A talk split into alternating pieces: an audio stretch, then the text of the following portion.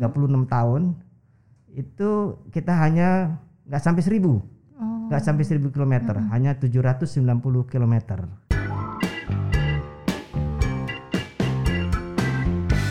Hai Sobat Bina Marga, jumpa lagi dalam program Bincang Jalan dan Jembatan. Dalam program ini, kalian bisa dapat informasi seputar progres pembangunan infrastruktur jalan dan jembatan di Indonesia. Bersama saya, Girly, dalam episode kali ini kita akan membahas mengenai progres pembangunan jalan tol dan standar pelayanan minimal jalan tol. Sudah hadir bersama kita di sini Direktur Jalan Bebas Hambatan Direktorat Jenderal Bina Marga, Bapak Insinyur Budi Harimawan Semiharjo, Master of Engineering Science. Terima kasih Pak Direktur sudah menyempatkan waktu untuk datang ke sini.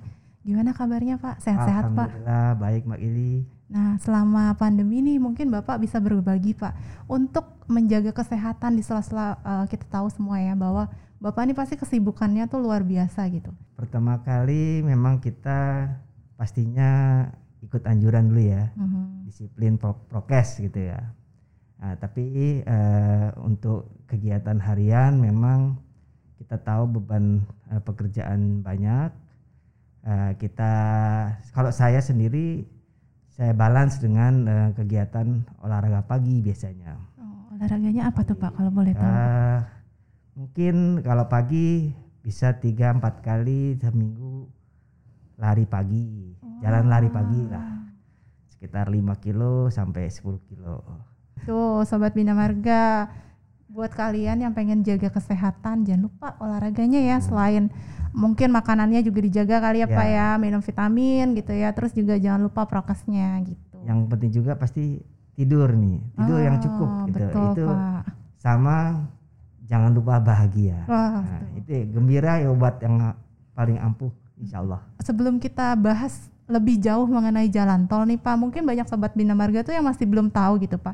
Tol itu tuh apa sih Pak? Kenapa disebutnya jalan tol? Mungkin Bapak bisa jelaskan sekilas Pak mengenai itu Pak. Ya, sebetulnya kalau jalan tol kita bicara definisi ya dari Undang-Undang Jalan maupun PP 15 tentang jalan tol.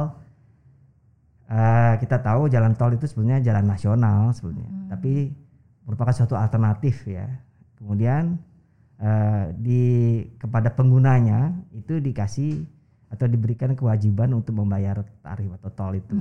Jadi namakan jalan tol. Sebetulnya ibu dari jalan ini namanya jalan bebas hambatan. Kenapa Hmm. direktoratnya jalan bebas hambatan? Hmm. Sehingga eh, sebagai contoh sekarang yang seperti jembatan Suramadu itu kan eh, dulu jembatan berbayar, jembatan tol. Sekarang sudah dibebaskan tol menjadi jembatan bebas hambatan. Jadi sebenarnya Oke. j- jalan bebas hambatan dengan jalan tol spesifikasinya itu sama dengan eh, ya artinya limitasi dari yang masuk dan keluar Hmm.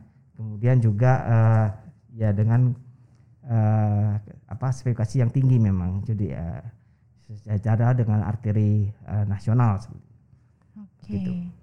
Siap. Nah, kita mulai Pak membahas mengenai jalan tol ya Pak ya. Mungkin bisa flashback sedikit nih Pak untuk pembangunan jalan tol di Indonesia nih Pak, sejarahnya gitu ya Pak ya.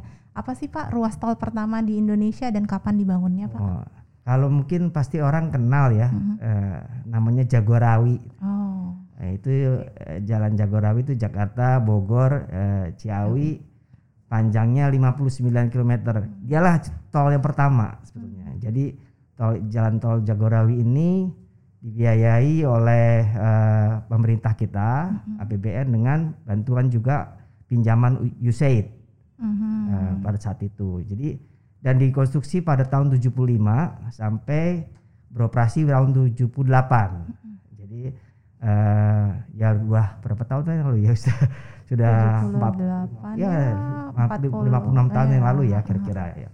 Jadi memang eh, kemudian eh, diserahkan kepada Jasa Marga sebagai eh, penyerta modal, kemudian eh, Jasa Marga juga diberikan kesempatan untuk membangun dengan tanah yang disiapkan oleh kita, membangun tol lagi Hmm. gitu. Jadi jalan tol pertama di Indonesia itu tol Jagorawi ya. Pak ya. Oke, kalau untuk eh, dari tahun berarti 78 ya Pak sampai sekarang tuh udah berapa kilometer sih Pak yang terbangun di Indonesia ini Pak? Kalau sampai saat ini sekarang kita masih sekitar 2430 ya, tepatnya 2430. Uh, sampai sampai termasuk yang kemarin baru diresmikan hmm. oleh Pak Presiden itu uh, jalan tol uh, Balikpapan Samarinda seksi 1 dan 5 33 kilo ditambah dengan uh, jalan ruas tol 6 tol DKI kalau kita lihat sejarah sedikit ke belakang, perkembangan tol kita, pembangunan kita itu mulai signifikan dari 2015 ke 19. Mm -hmm. Kemudian juga 2020 dan insya Allah sampai 2024 ini ya. Mm -hmm. Nah, kalau kita bayangkan dari sejak kita punya uh, tol uh, tahun 78 itu operasi Jagorawi sampai 2014 36 mm -hmm. tahun itu kita hanya nggak sampai seribu nggak oh. sampai seribu kilometer mm -hmm. hanya 790 kilometer jadi kita bisa bayangkan mungkin setiap tahun kita hanya bisa bangun 20 kilometer per tahun mm -hmm. kalau dibandingkan negara tetangga Malaysia pada periode yang sama dia membangun 280 kilometer per tahun mm -hmm. nah sejak 2015 ke 2019 kita ditargetkan 1500 km. Alhamdulillah kita bisa mencapai 1298 km tepatnya. Uh, jadi meningkat besar. Mm -hmm. Target Inter PJM untuk 2020 sampai 2024 kita ditargetkan sekitar 2.500 lagi kilometer nih. Oh. Jadi harapan okay. kita kalau kita optimis ya, mm -hmm. uh, pada akhir 2024 kita bisa mendapatkan tol sekitar 4.600 kilometer. Mm ya mungkin dibanding sebelahnya kita agak terlalu banyak tapi uh, ini progres yang sangat uh, sangat besar sekali sebelumnya. Nah, mungkin Bapak bisa ceritakan nih Pak secara singkat nih Pak dari uh, kalau mau bangun jalan tol itu kan pasti ada prosesnya tuh Pak.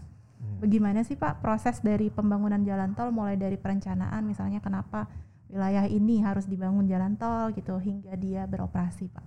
Uh, jalan tol itu punya dua program ya. Ya. Hmm dari pengusul istilahnya yaitu yang diusulkan atau uh, istilahnya dari uh, prakasanya pemerintah yaitu solicited kalau kita bilang solicited. Kemudian ada lagi prakarsa oleh badan usaha yang kita namakan unsolicited. Mm-hmm. Nah, uh, keduanya ini memang uh, tapi keduanya berdasar atau ber, merefer kepada yang sekarang ini sudah kita punya yaitu rencana umum jaringan jalan tol. Mm-hmm jaringan jalan tol kita barusan kami susun di tahun lalu 2020 itu ada sekitar 18.850 km hmm. sampai tahun 2045 50 jadi kita uh, sampai jangka panjang. Nah untuk itu uh, berdasarkan dari uh, uh, program tersebut kemudian misalnya yang yang solicited solicited itu prakarsanya kemudian kami melakukan prastudi di eh, kementerian ya di Bina Marga khususnya kemudian menyusun FS kita merekomendasikan ruas-ruas mana yang perlu di FS atau di studi kelayakan dilakukan oleh PBCT mm-hmm. kemudian Baik. dari PBCT, PBCT juga menyiapkan AMDAL mm-hmm. dan kemudian kembali kita menyiapkan eh, basic design dengan DPPT dokumen perencanaan pengadaan tanah mm-hmm. nah, kemudian Sisi yang lain kalau unsolicited biasanya adalah prakarsa tadi me, uh, apa, mengajukan minat hmm. untuk mengerjakan atau mengusahakan satu ruas. Berarti badan usaha. Badan usaha. Badan usaha ya Tapi, Pak ya. ya juga Investor. mereka yang menyiapkan kelengkapannya. Tadi yang kalau dari BPJT hmm. yang melengkapkan, mereka menyiapkan FS. Kemudian basic desainnya dan kemudian dilelang. Hmm. Dari keduanya kita lelang kita lelang kita cari eh, kemudian nanti right to match adalah eh, dari prakarsa atau BOJT jadi tanda tangan kontrak istilahnya kalau di kita namanya PPJT. Mm-hmm. Nah untuk tadi PPJT itu kepanjangannya apa Pak? PPJT itu semacam kontrak jadi perpanjangan dari perjanjian pengusahaan jalan tol. Oh, jadi okay. kalau istilah dengan di kontrak biasa itu ya kontrak gitu ya. Mm-hmm. Tapi kalau di jalan tol kita namanya PPJT. E, eh, mereka melakukan e, di, uh, pekerjaan detail desain mm -hmm. teknis kemudian uh, kita mengusulkan untuk uh, penlok bersama dengan pengadaan lahan. Penetapan lokasi ya, ya Pak ya, penlok itu ya. Oke. Dan kita masing-masing uh, kemudian dikerjakan konstruksi dengan sampai dengan operasi nantinya. Oke, sampai dengan operasi. Berarti mungkin uh, apa namanya prosesnya tuh gak mudah juga ya Pak ya, mulai dari penetapan lokasi, terus ya. mungkin penunjukan uh, apa namanya badan usaha atau pemerintah yang itu yang meng take over gitu ya Pak ya. Apalagi dengan Undang-Undang Cipta Kerja kemarin, -hmm. memang ada ada unsur yang disederhanakan. Memang salah satu tujuannya Undang-Undang Cipta Kerja kan memang menyederhanakan. Jadi semua izin-izin tuh di depan, hmm. semua izin-izin depan, kemudian baru penlok bisa dilaksanakan dan bisa kerjakan. Insya Allah sih ya bisa lebih cepat gitu ya. Lebih cepat dan lebih mudah gitu ya Pak ya, dipermudah gitu ya Pak. Nah, terus Pak, eh, kalau misalnya kita lihat nih, kalau misalnya kami uh, posting di, mengenai jalan tol gitu ya di sosial media, banyak tuh Pak yang penasaran gitu. Kok di jalan tol ini ada seksi satu, seksi dua gitu? Itu apa sih? Gimana sih cara pembagian seksinya gitu ah. Pak? Mungkin Bapak bisa ya, jelaskan ya, tuh Pak. Kalau pembagian seksi itu sebenarnya variabel ya sebenarnya. Mm -hmm. Intinya bahwa uh, tol yang kita bangun pada waktunya diharapkan bisa segera dioperasikan dan fungsional. Artinya kita membangun seksi ini dari on and off-nya. Jadi misalnya atau junction to junction. Hmm. Sehingga mobil bisa masuk, bisa keluar gitu kan. Uh, jadi uh, berfungsi atau kalaupun tidak ada yang on off-nya tapi dia terintegrasi dengan uh, tol yang sudah ada, existing, okay. jaringan yang sudah ada. Jadi semua itu pertimbangannya memang uh, tentunya uh, kita melihat satu juga uh, biaya ya hmm. dari kemampuan dari prakarsa atau BUJT yang mengerjakan, kemudian juga dana dari pemerintah untuk lahan mana yang bisa kita kerjakan dulu hmm. dan juga tentunya kita melihat prediksi dari lalu lintas yang ada artinya mungkin yang akan menggunakan yang akan menggunakan jadi ini menjadi uh, pating uh, paling tidak akan menjadi revenue di awal untuk bisa melanjutkan lagi dengan tahap berikutnya gitu kalau. Jadi gitu ya Pak, alasan pembagian uh, tol itu dibagi berdasarkan seksi-seksi gitu ya Pak ya.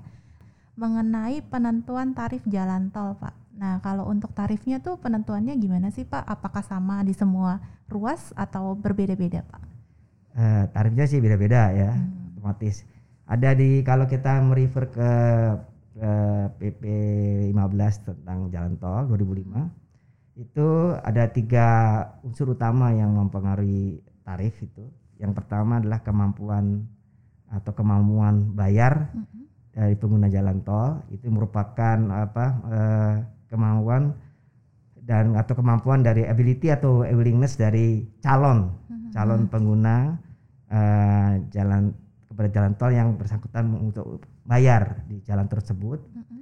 Kemudian yang kedua itu besarnya keuntungan dari mm -hmm. uh, biaya operasi kendaraan. Mm -hmm. Itu di, di, dihitung melalui uh, selisih dari biasanya selisih dari biaya operasi dengan uh, nilai waktu terhadap jalan tol dan alternatif jalan tanpa tol misalnya. Jadi mm-hmm. kita bandingkan. Dan yang terakhir adalah uh, melalui kelayakan investasi yaitu uh, berdasarkan tosu apa ya semacam uh, perkiraan atau taksiran yang secara transparan uh, dan akurat uh, dari semua biaya uh, pelaksanaannya yang memungkinkan badan usaha itu masih mendapatkan suatu keuntungan yang memadai bukan hmm. bukan keuntungan besar besar hmm. Suatu yang reliable untuk uh, terhadap investasi yang dilakukan hmm. jadi itu Kemudian uh, tarif itu biasanya ada dua. Hmm. Tarif itu tarif awal biasanya kalau ya uh, pertama kali seperti dioperasikan ya kan. Itu ada tarif awal.